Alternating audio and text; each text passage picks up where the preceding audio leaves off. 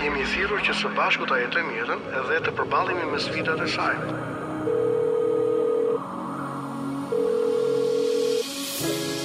Unë jam pastor Akil Pano. Në Top Albania Radio vjen një program i folur për njeriun, familjen, shoqërinë. Është dita e tetë. Drejt shërimit dhe shpresës. Për ju që ndiheni vetëm dhe të izoluar. Nuk jeni vetëm.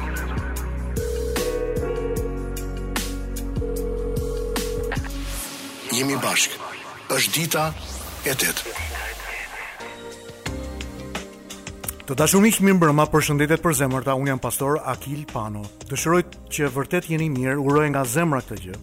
Dhe lutem që Perëndia dhe bekimet e tij të jenë në jetën tuaj. Natyrisht që jemi në një mbrëmje krejt të veçantë.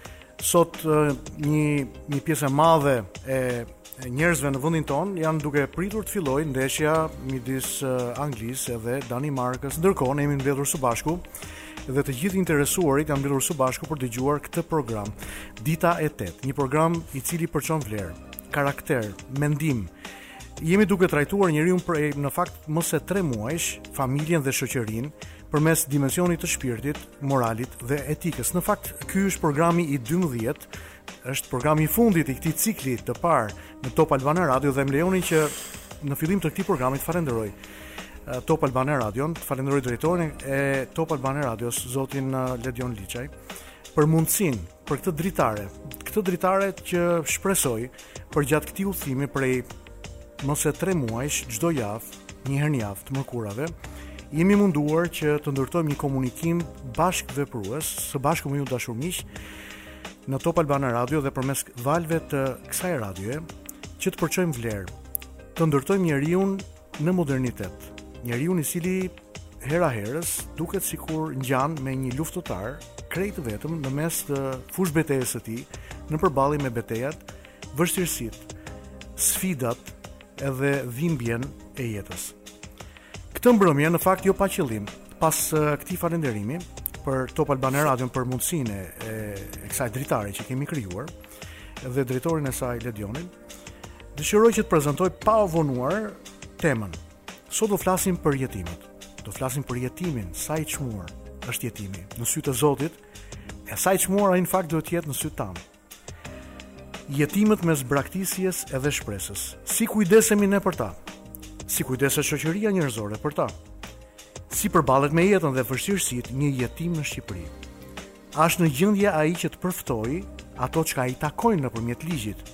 A është ligji ë duke e pajisur jetimin me elementët identitarë të tij, duke i dhënë atij dinjitetin, dinjitetin e munguar prej elementëve socialë dhe elementëve shoqërorë, të cilat në fakt ne i gjejmë Në familjen e, në të cilën kemi lindur dhe jemi rritur.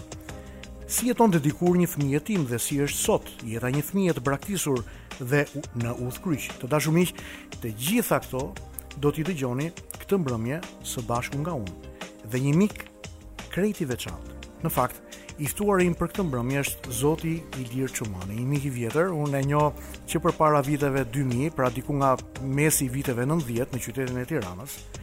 Aktualisht, zoti Çumani është drejtor i përgjithshëm i Institutit Kombëtar të Integrimit të Fëmijëve Jetimë Shqiptarë, një institucion i cili është faktor i rëndësishëm në jetën dhe shoqërinë shqiptare. Kryesisht merret me politikat e integrimit të fëmijëve jetimë, pra fokusi i këtij institucioni ka qenë i mprehtë dhe i qartë. Prindërit e zotit Çumani. humbën jetën në një aksident, duke lënë zotin Çumani prej disa muajsh, pra kur ai ishte ende i mitur disa muajsh jetim. Kështu, së bashku me tre motrat e tij të mitura, ai shkon në jetimore. Pikërisht situata në të cilën ai u rrit ka ndikuar që të jetë më i ndjeshëm dhe jo vetëm më njerëzor, Pra unë do doja që titulli i këtij programi të ishte Jetimi me zemrën e një ati. Pasi nëse e njihni këtë person nga afër, natyrisht zemra e tij është një zemër, një zemër ati. I dashur mik, zoti Çumani, të uroj mirëseardhjen këtë mbrëmje në programin tim Dita e Tetë. Të falenderoj miku im Makil, Të falenderoj miku im Makil që këtë ditë ia kushton një teme shumë të veçantë, ajo që sapo thatë ju e sapo anonçuat, çështjes së fëmijëve jetimë, është një temë që çdokush në jetën e përditshme ndien pak jetën e jetimve, sepse ata i kemi në mesin tonë, në jetën tonë të përditshme, çdokush në lagje në në shkollë, nëpër institucione ku punojnë apo në në mjedisin ku ne jetojmë të përbashkët, ka përballë histori një njerëzore që brenda kanë jetimët, kanë familjet që janë në nevojë dhe mendoj që shoqëria shqiptare Është një shoqëri që mbart një trashëgimi shumë të pasur të vlerave të humanizmit. Ë është një histori e gjatë, historia e ë ë e strehës vorfnore.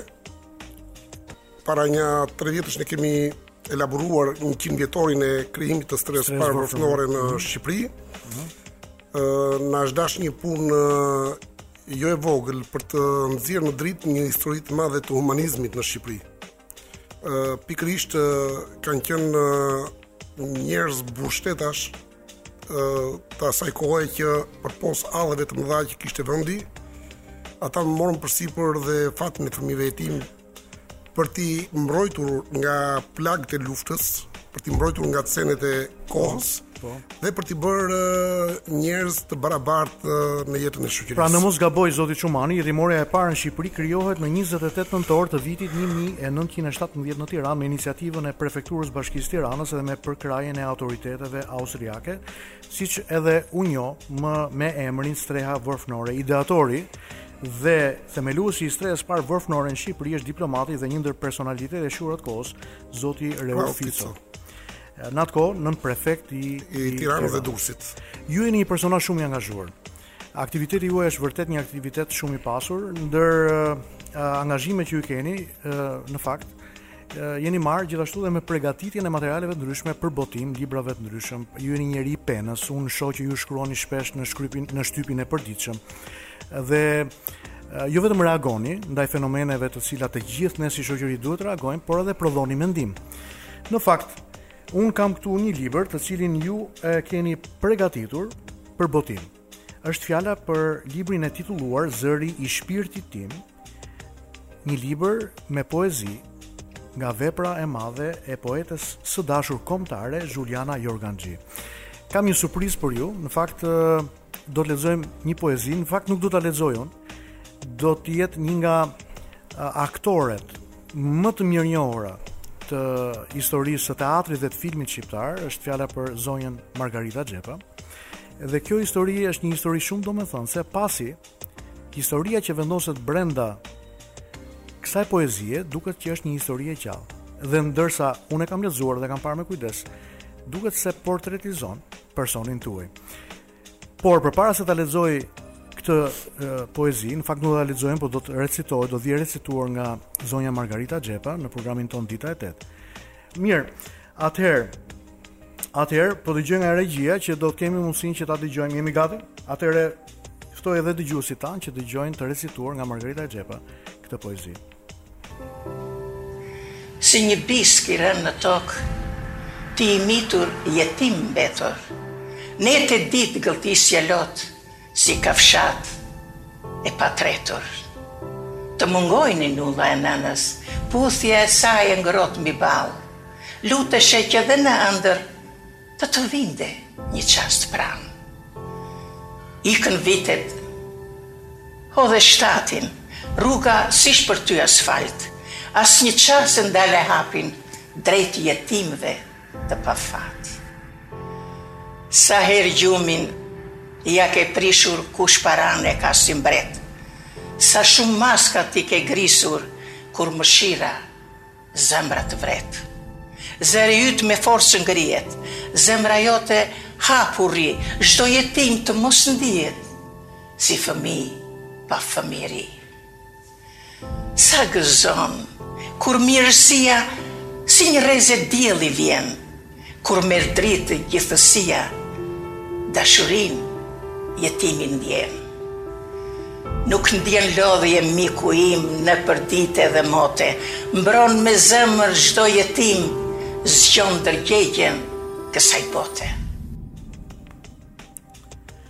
Një recitim me pathos, me dashuri, me emocion. S'ka se si të jetë ndryshe, kur kemi Margarita Xhepën e cila reciton këtë poezi. Akil, sa herë që unë e dëgjoj këtë këtë kushtim që poetja e madhe Zhuliana Jorganxhi i ka bërë punës tonë, jo punës time. Unë gjithmonë preferoj që gjithë këtë sfidë që ne kemi nisur prej dekadash, është një histori jo 30 vjeçare, Është një histori 38 vjeçare që në vitin 82 askush nuk mund ta besojë, po. Mund të jem ndër personazhet më aktivë që në vitin 82 që jam marrë me kauzën e fëmijëve, një 16-17 vjeçar, i angazhuar në strukturat e Komitetit të Rinisë të Rrethit e të Komitetit të Rinisë. Në atë kohë ju keni jetuar në qytetin të Tiranës. Tiranë po. Mm -hmm.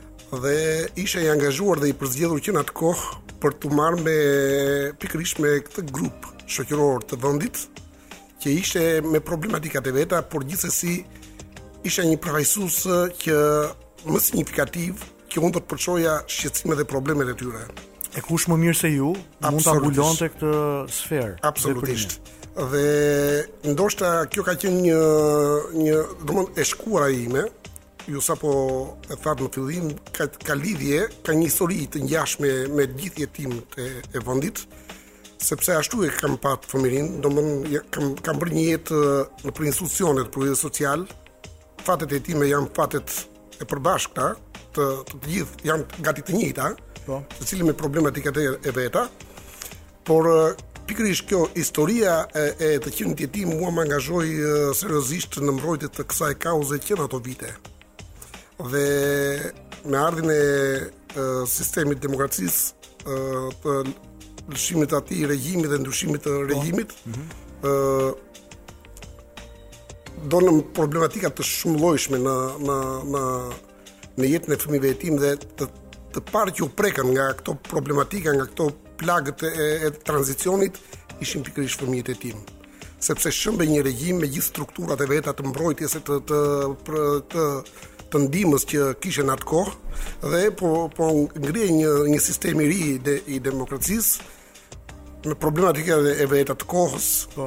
dhe ata që dolën të zbuluar nga këto ishin jetim ishin pikërisht fëmijët jetimë të cilët uh, kërkonin një mbrojtje jo vetëm institucionale por dhe një mbrojtje ligjore edhe një mbrojtje si me thënë uh, me kauza të tilla që ne e, i përfaqësonim më mirë se askush tjetër. Zoti Çumani, meqë jemi pikërisht në sferën e një momenti krahasimor, nëse mund të bëjmë një krahasim midis përkujdesit të shtetit monist, pra shtetit të diktaturës, ndaj jetimoreve të kohës, pra nga vitet 45, 90, 91, dhe përkujdesit që qendrat rezidenciale si institucione publike të përkujdesit të fëmijëve aktualisht pas viteve 91 deri në vitin 2021, pra kemi 30 vite, kanë, pra mund mund mund bëjmë krahasim pra cilat ishin elementët pozitivë të asaj kohe përkundrejt elementeve që ne dhe sot i shikojmë që mund të përmirësohen.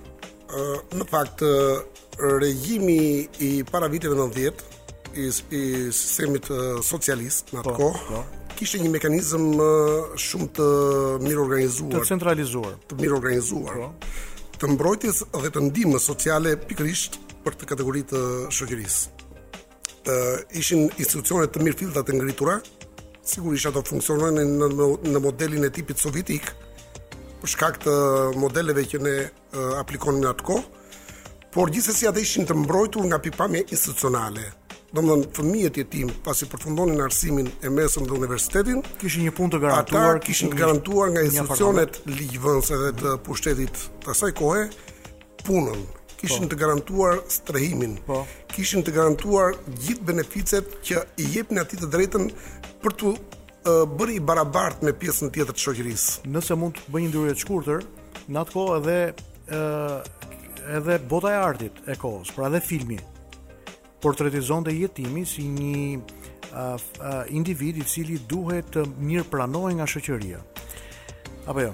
Jo, shiko, uh, është e vërtetë, janë janë realizuar mjaft mjaft filma artistikë të asaj kohe dhe uh, romane janë shkruar pikërisht për këtë temë, mm -hmm. të cilët sillnin në vëmendje atë pjesë të idealizmit që e idealizonte atë çështjen e, e fëmijëve jetimë, për ta sjellë si një si një model që shoqëria në atë kohë duhet ta pranonte me të gjitha mundësitë e veta për të mos qenë i dallueshëm nga pjesa tjetër e shoqërisë. Po. Dhe këto nuk ishin thjesht ideologjizma të kohës.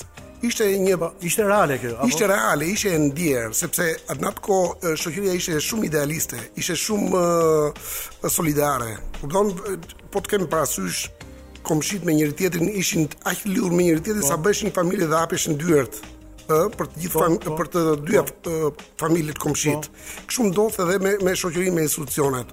Fëmijët i kishin fëmijët jetimë i kishin në qendër të vëmendjes jo vetëm shkollat, jo vetëm qendrat, por edhe institucionet e centralizuara që nga pushteti lokal deri tek ai qendrori, kishte orientime dhe vendime të veçanta që u vinin në mbrojtje këtyre fëmijëve. Dhe gjithë ajo propagandë që bëhesh në atë kohë nuk ishte thjesht një propagandë e mirëfilltë, ishte në funksion të realizimit të qëllimit që shteti kishte për ta mbrojtur nga pikëpamja sociale po. këtë kategori pra, njerëzish. Pra nëse mund të bëj një deduksion mendimi, mund të themi që po, merrej seriozisht çështja e jetimit. Absolutisht po. Domethënë kishte një mbrojtje institucionale. Fakti që para vitit 90, domethënë që nga vitit 44, të themi se edhe Streha po. Vorfnore ka filluar rrugëtimin që në vitin 1917, në kohën e para kohës së Zogut biles, po, po, Uh, se ndahet në pesë etapa po. historia e Strehës Vorfnore që në kohën e motrave stigmatine në periudhën e mbretit Zog, në periudhën e Italisë fashiste, në periudhën e regjimit komunist dhe në periudhën e demokracisë. Po. Ëh dhe në dallim me me me me sistemin e sotëm, regjimi i asaj kohe garantonte të gjitha beneficet që i bënin të dinjitetshëm e bënin e bënte të dinjitetshme jetën e fëmijëve jetimë.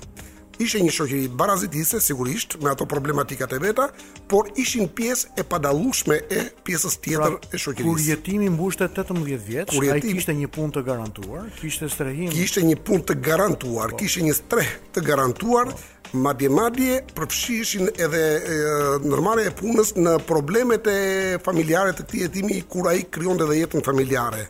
Një fejesë me një vajzë apo vajza një fejesë me një djalë, po. ato keni parasysh atë filmin në jo, si gjithë si gjithë të tjerë që po, po. përfshiheshe po, ndërmarrja e ato kanë qenë skena të vërteta, sepse ka qenë një shoqëri shumë e ndjeshme, ka qenë një shoqëri, shoqëri solidare. Dhe për këtë arsye unë e vlerësoj në fakt me me të metat që ka patur ajo kohë, e vlerësoj atë kohë sepse ajo kohë i bëri të dinjitetshëm Ndryshe, në dallim me kohën e sotme, po pra, pikërisht ku vijmë tani. Çfarë ndodhi me solidaritetin? U shkërmoq.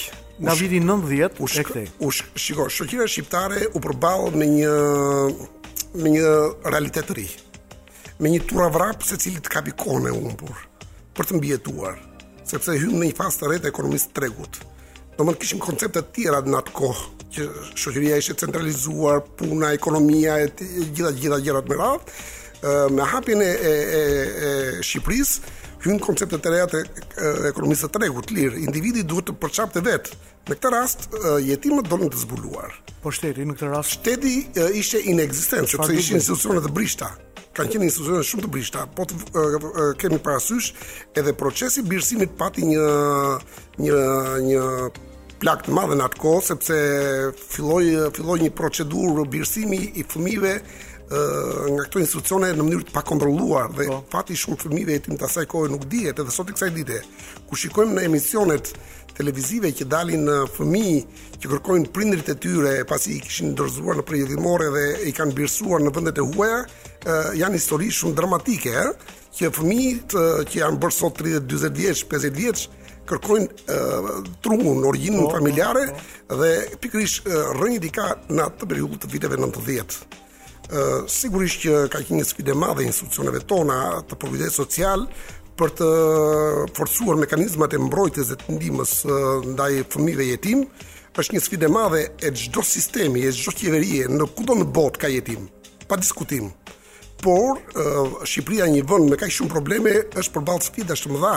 Problemi, problemi është se një pjesë e madhe e shqiptarëve ndihen jetimë. Pa diskutim, pa diskutim. Problemi që që ne hasim sot. Pa diskutim, sepse po të shikosh të gjitha këto fenomenet e krimit brenda familjes, e divorceve, e, e shkatërrimit dhe destruktivitetit brenda familjes e kanë origjinën te varfëria, te politikat e shtetit dhe të varfërisë.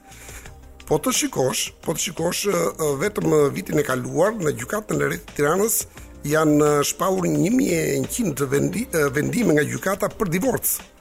Në shkallë republike janë shpallur 6000 vendime për divorc, që do të thotë sikur të llogaritësh 2-3 fëmijë për çdo familje i bie 18 fëmijë që janë në udhkryq. 18000. 18000. Sot në Shqipëri ka 31000 fëmijë jetim. Që jetojnë në komunitet. Dhe që do thotë si në komunitet. Që, në komunitet, pranë pranë të afërmve, po, okay. në familje të shkatërruara. Mm -hmm. Në familje të pra, jo në qendra rezidenciale të kujdesit. Pra, në qendrat rezidenciale sot në Shqipëri janë 29 qendra rezidenciale ku nëntë prej tyre janë shtetërore, të tjerat janë uh, qendra jo qeveritare, jo shtetërore, që menaxhohen nga fondacione të ndryshme, nga organizata jo qeveritare të huaja dhe vendase, dhe këtu trajtohen gati 1600 fëmijë. Jetim në përputhje me standardet që nevojiten për t'i ofruar shërbimet e nevojshme që ata të mos ndjejnë mungesën e nevojave të përditshme. Zoti Çumani, në fakt dua që të prekim pak çështjen e statusit të jetimit. Çfarë do thotë në të vërtetë statusi i jetimit? Çfarë kategorish mbulon, si jepet, çfarë nënkupton, çfarë përkujdesje reale ofron? Jemi duke trajtuar një temë shumë delikate, Një temë me peshë, me gravitet, me gravitet social, me gravitet shpirtëror, me gravitet politik nëse doni, jemi duke trajtuar çështjen e jetimit, çështjen e jetimit shqiptar.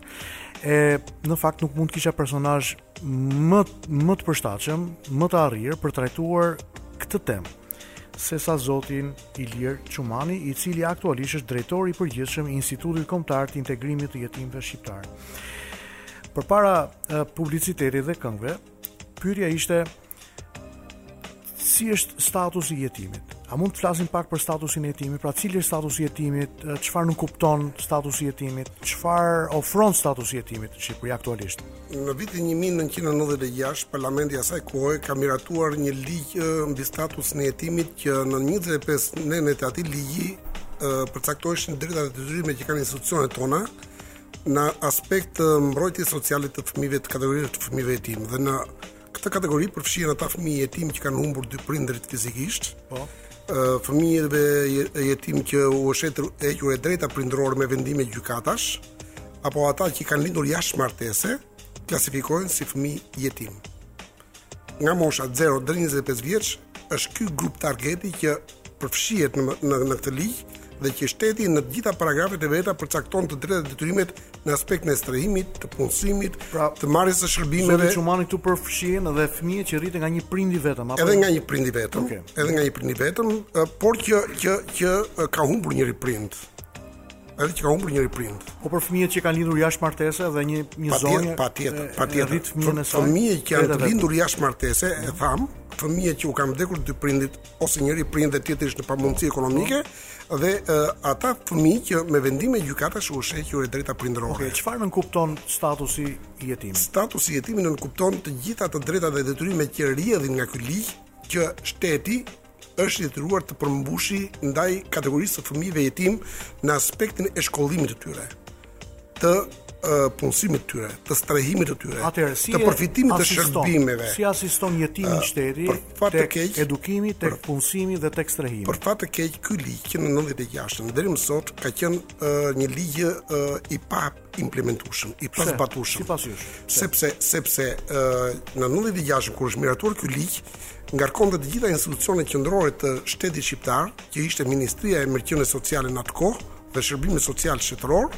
ë për të zbatuar dhe, dhe ministritë e linjës, Që ishin Ministria e Shëndetësisë, Ministria e Kulturës, Ministria e Drejtësisë, ishin një seri ministrish që ë bëheshin bashkë dhe ishin detyruar që në bazë të problematikave po. që që shtroheshin në këtë ligj të ë ishin zbatuese nëpërmjet këtyre institucioneve. Dakord. Por në para 15 vjetësh ka ka nisur një proces, procesi i decentralizimit të shërbimeve, që do të thotë Shërbimet sociale që i marrin fëmijët në qendrat rezidenciale kalojnë për kompetencë të pushtetit lokal, që do të thotë shteti nëpërmjet inventarëve fizike ka kaluar të gjitha qendrat, godinat, shërbimet nga pushteti qendror, që ishin këto ministritë, po. tek pushteti lokal, te bashkitë dhe komunat. Dakord, po flasim për godinat fizike. Te, po, fizike, por edhe, edhe shërbimet, edhe okay. shërbimet. Shërbimet që i ofrohen individit. Shërbimet që i ofrohen individit brenda këtyre institucioneve. Si si e kryen pushteti lokal? Atëre, pushteti lo, pushteti lokal ka marrë përsipër të gjithë zbatimin e, e gjithë politikave të shërbimeve në në në në këto qendra, Aty ku ka këto, ku janë këto qendra? Pra, në këtë rast, në këtë rast më fal, në këtë rast i bie që kryetari i bashkisë të jetë në një farë mënyrë babai i Pra, kryetar, pra kryetari i bashkisë të jetë uh, menaxheri kryesor po. i këtyre qendrave. Që sigurisht që me një staf multidisiplinar që ofrojnë shërbimet atje, po. që lë shumë për të dëshiruar, sepse ende kemi disa bashki dhe disa uh, bashki që mhm. ende nuk janë të ndërgjegjësuar që për rolin që duhet të luajnë ata për të për të ofruar këto shërbime në mënyrë më maksimale të mundshme. në mënyrë më të më më të më efikase. Ne kemi patur shumë problematika, ha? sepse ë uh, që janë, çfarë, çfarë mund të jenë problematika? Që janë, që janë kryetari i bashkisë ose bashkia në tërësi po. duhet të hulumtojë dhe të studiojë terrenin ku ndodhen uh, familjet më në nevojë që përmbushin kushtet për t'u trajtuar si fëmijë jetim dhe për t'i përqendruar në institucione. Edhe pse politika e shtetit shqiptar dhe të aktorëve politikëbërës dhe ligjzbatues është politika e deinstitucionalizimit, por fakti që ne po për, po përballemi me një me një sfond social shumë të mprehtë, ku kemi shumë familje të rrezikuara për shkak sepse nuk janë në fokus të mbrojtjes sociale, tregon që shteti dhe institucionet janë shumë larg realitetit. Pra nuk janë pranë këtyre familjeve në nevojë. Kjo do të thotë që kemi shumë familje që janë në risk për t'u klasifikuar si fëmijë jetim. Pra, Janë okay. Pra, Vetë ne si institut kemi asistuar në shumë raste të tilla që i kemi nxjerrë nga zona e rrezikut. Pra, problemet aktuale me të cilat përballet një jetim sot, aktualisht. Është, a mund t'i numërojmë? Është varfëria, varfëria, gjendja ekonomike, Është mungesa e mosvajtjes së tyre në shkollë për shkak të pamundësive financiare. Po mirë, më fal. Është kequshqyerja. Statusi i jetimit po nënkupton kujdesin financiar për po. të për këtë jetim apo jo. Ne po flasim për fëmijët jetim që janë në komunitet, jo për fëmijët jetim që janë në rezidencë. Mm -hmm. Dhe pse aty ka dhe aty ka problematika të ndryshme, por po flasim për pjesën më të madhe të fëmijëve jetim. Fam që janë te të afërmit. Janë 30 nga një nënë pra, apo janë 31000 fëmijë jetim sot në gjithë Shqipërinë. Nga jugu në veri. Po. Që do të thotë që këta fëmijë janë pranë të afërmve të tyre pa uh, prezencën e prindërve të tyre biologjikë. Po mirë, a mund të themi se fëmijët të cilët jetojnë brenda qendrave rezidenciale kanë një kujdes më të mirë pa diskutim. Këta fëmijë që janë jashtë qendrave. Pa jo? diskutim, të gjithë këta fëmijë që janë gati një uh, numër prej 1560 fëmijë të tillë që, që trajtohen në 29 qendra rezidenciale, shtetërore dhe jo shtetërore, marrin shërbime të mirëfillta. Kemi fshatin SOS, kemi qendrën Hëna dhe Rozafa, mm -hmm. kemi shtëpitë e fëmijëve parashkollore, po, po. shkollore, foshnjore, mm -hmm. që janë të tilla në në në gjithë Republikën dhe këta marrin shërbimet e, e duhura të mbrojtjes dhe të ndihmës sociale. Pra ju evidentoni problematikat kryesore. Ne evidentojmë problematikat tek grupi më i madh i fëmijëve jetim që janë jashtë po, këtyre qendrave rezidenciale. Pra kemi Një mijë e pesëqind, rreth një mijë e pesëqind fëmijë që janë brenda qendrave rezidenciale. Që janë të mbrojtur nga politikat e shtetit, po deri në moshën 18 vjeç, po, sepse pastaj edhe ata kanë problematikat e tyre. Mirë, do flasim, do flasim për këtë. Por ju flisni tani po për rreth 30000, për 31000 fëmijë jetim që janë jashtë jashtë qendrave rezidenciale. Qendrave rezidenciale, që janë në komunitet, që janë në fshat, në komunë, në qytet, gjithandej dhe janë jashtë fokusit të syrit vëzhgues të shërbimeve sociale. Si mund ta përmirësojë Shërbimin social, kujdesin, punën e vet, mbështetjen e vet ndaj këtyre fëmijëve. Duke rritur kapacitetet profesionale të mbrojtjes dhe të ndihmës, duke evidentuar, vëndet ato familje që janë të riskuara, duke funksionuar vënë në funksion të gjitha mekanizmat me efikasitet të plotë për të evidentuar të gjitha ato raste të trajtimit të këtyre fëmijëve që janë jashtë kujdesit social. Dhe këtu është një sfidë e madhe e, e institucioneve tona, e pushtetit lokal sidomos, sepse ata janë e, institucione që janë në kontakt më të afërt me këto familje që ta marrin rastin, ta studiojnë, ta evidentojnë dhe pastaj ta, ta trajtojnë me programet e, e, e mbrojtjes dhe të ndihmës. Këtu është një sfidë e madhe e këtyre bashkive dhe komunave që për mendimin tim nuk janë në rolin e duhur. Zoti Çomani, duket që ka shumë punë për t'u bërë në të gjitha format, në të gjitha aspektet dhe drejtimet. Po ju lutem, më thoni çfarë ndodh me jetimët të cilët aktualisht janë në qendrat rezidenciale, pra këtë grupin rreth 1500 jetimë që janë aty brenda, Çfarë ndodh pasi ata bëhen 18 vjeç? Edhe këtu ka një problematikë sepse këta fëmijë pasi shteti i mbështet në gjithë aspektet, në, në aspektin e edukimit, shkollimit, i përgatit për t'i nxjerrë në jetë, po. i i i jep një profesion, në një, një profesion një zanat në një shkollë të po, mesme, po. këtu shteti heq dorë. Në moshën? Në moshën 18 vjeç. Po çfarë ndodh me jetimin në moshën 18 vjeç? Më thuaj çfarë mund të ndodhë me një adoleshent 18 vjeçar? Kjo është jashtë kujdesit dhe fokusit të politikave të shtetit. Shteti heq dorë, do të thotë që ky jetim 18 vjeçar është i vetëm në është i, është i vetëm në, në këtë botë. Është i vetëm në këtë botë dhe ai ai këtu e fillon sfidën dhe luftën e tij të mbijetesës. Që do të thotë që ai përballet me pasigurinë ai përballet me shumë anë të panjohura të realitetit. Atëherë çfarë mund të bëhet më mirë për integrimin e tyre? Dhe pikërisht, dhe pikërisht, dhe pikërisht, si mund t'i ndihmojmë dhe pikërisht, dhe pikërisht, dhe pikërisht këtu ë Do thoja që hyn në ligji i statusit të jetimit që duhet të miratohet një ligj bashkëkohor që t'i vijë në mbrojtje edhe kategorisë së fëmijëve jetimë mbas moshës 18 vjeç që shteti nëpërmjet mekanizmave të vet të vazhdojë përkujdesjen e këtyre fëmijëve derisa ata të fitojnë pavarësinë e tyre, pra të të të t'i fusin në një proces të pavarësimit. Më fal, po kjo kjo është e tmerrshme, pra një fëmijë, një adoleshent tetëmbëdhjetë vjeçar që mund të jetë vajzë apo djalë përballet me botën si një qytetar akil, i zakonshëm. Akil, që ka familje. Kjo është drama e jetimve në Shqipëri. Ne kemi ra, kemi patur raste pa fund të vajzave dhe djemve që kanë qenë pre e krimit të organizuar, po. të organizatave kriminale që i kanë shfrytëzuar mm -hmm. dhe kemi patur raste të tilla që edhe të fatalitetit. Domethënë që jetimë që kanë humbur jetën. Dhe këtu prandaj po them që shteti duhet të ndërhyjë me mekanizmat e mbrojtjes edhe mbas moshës 18 vjeç. Është ligji i statusit të jetimit që ne e kemi inicuar para 2 vjetësh dhe është në komision në komisionin parlamentar të çështjeve sociale po. me iniciativën e institutit tonë kemi ulur në tryezë Komisionin Parlamentar të Çështjeve Sociale dhe për fat të keq, po. atje në vend të diskutoheshin çështje të rëndësishme të përmirësimit të këtij ligji, atje u bë një zhurmë e madhe, një debat i panevojshëm dhe ligji mbeti nga i pandryshuar. Nga të dyja krahët e deputetëve po. të majtë dhe të po, djathtë. Po, dakor, Kishin katapultuar dhe nga dy tre personazhe atje që mm. bënin zhurmën në po. për ta politizuar çështjen. Po. Dhe si konkluzion ne nuk nxorëm asgjë konkrete, por e lamë, e lamë që të uh, uleshim në një tryezë të dytë apo të tretë, Tani, që nuk ka ndodhur kjo gjë. E dyta dhe e treta nuk erdhën ndonjëherë. Nuk ka ndodhur. Ne presim të na ftojnë. Po ky është skandal, ky është skandal i madh. Domthon që jetimi vajzë apo djalë pasi mbush moshën 18 vjeçare përballet krejt i vetëm dhe i pambuluar përballë botës. Ky është realiteti. Duhet ta pranojmë, domthon realiteti i, i jetimit në Shqipëri ky është. Dhe kjo është një kambanë alarmi për institucionet tona për të qenë më më afër problematikave të fëmijëve jetimë dhe për të zgjidhur në mënyrë definitive problemin e fëmijëve jetimë që ka tre komponentë kryesorë: strehimin, punësimin dhe marrjen e shërbimeve derisa ata të pavarësohen dhe të krijojnë pavarësinë e tyre në jetën e përditshme. Përndryshe pasaj ne do të kemi gjithmonë raste që do na tronditin që na i sjellin mediat dhe kjo nuk është mirë as për imazhin e vendit tonë, as për dinjitetin e shoqërisë tonë, nuk është mirë as përballë institucioneve ndërkombëtare sepse Shqipëria ka hapur një fazë të re të procesit të anëtarësimit në Bashkimin Evropian. Meqë jemi tek Bashkimi Evropian. Cilat janë modelet që ofrohen përmes shteteve të tjera që janë anëtare të BE-së? Çfarë ndodh kur fëmijët në Itali apo në Greqi apo në Francë apo në Itali mbushin moshën 18 vjeçare? Çfarë ndodh me jetimët atje?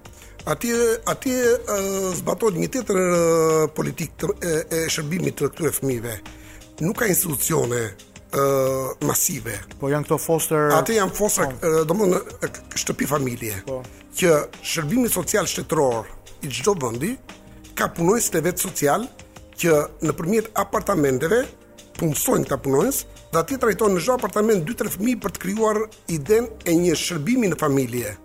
Dhe këta fëmijë shoqërohen deri në moshën 17-18 vjeç njëzet vjeç, njëzet e tre vjeç, njëzet e katër vjeç, derisa ata mbarojnë shkollën, diplomohen, marrin një zanat, hyjnë në tregun e punës dhe këtu shkëputet shteti, sepse ata pavarësohen. Pra në mënyrë krejt natyrale ndodh integrimi, integrimi i jetimit kjo është, kjo është, në Ky është proces integrimi që ndjekin politikat e, e vendeve. Ka pasur përpjekje të kësaj natyre për ta çuar strukturën e kujdesit ndaj jetimit. Patjetër është, është modeli fshati sos, është po. modeli fshati sos që ofron një model shumë të suksesshëm prej 24 po. vjetësh po, në Shqipëri. Po, po. dhe fakti që nga ky nga kjo qendër që kanë dalë me dhjetra e dhjetra djem dhe vajza të shkolluar me profesion dhe janë të pavarësuar në jetën e përditshme tregon punën e mirë që bëhet në këto institucione për të për të integruar këta fëmijë dhe për të kaluar për të kaluar butë në atë fazën e tyre të tranzicionit nga qendrat e shtëpisë së familjes në jetën e shërbimit komunitar. Pra, nëse mund të bëjmë një deduksion të gjithë mendimit që kemi trajtuar deri tani, Çfarë mund të bëjë shteti që të kthejë dinjitetin tek jetimi në Shqipëri? Shteti duhet të jetë serioz në për, në përpilimin e një, në hartimin e një ligji ë me standarde të Bashkimit Evropian që u vjen në mbrojtje këtyre fëmijëve.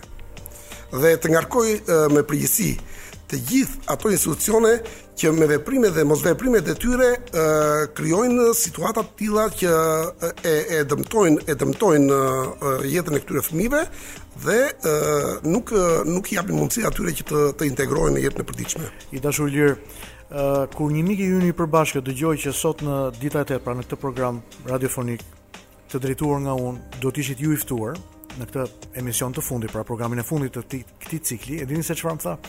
Më tha Zoti Çumani, është pak të ishte ministri i punës dhe i çështjeve sociale, duke njohur juve, duke njohur angazhimin tuaj publik mbi çështjet sociale e veçanërisht mbi çështjet të cilat na na zbulojnë të gjithëve.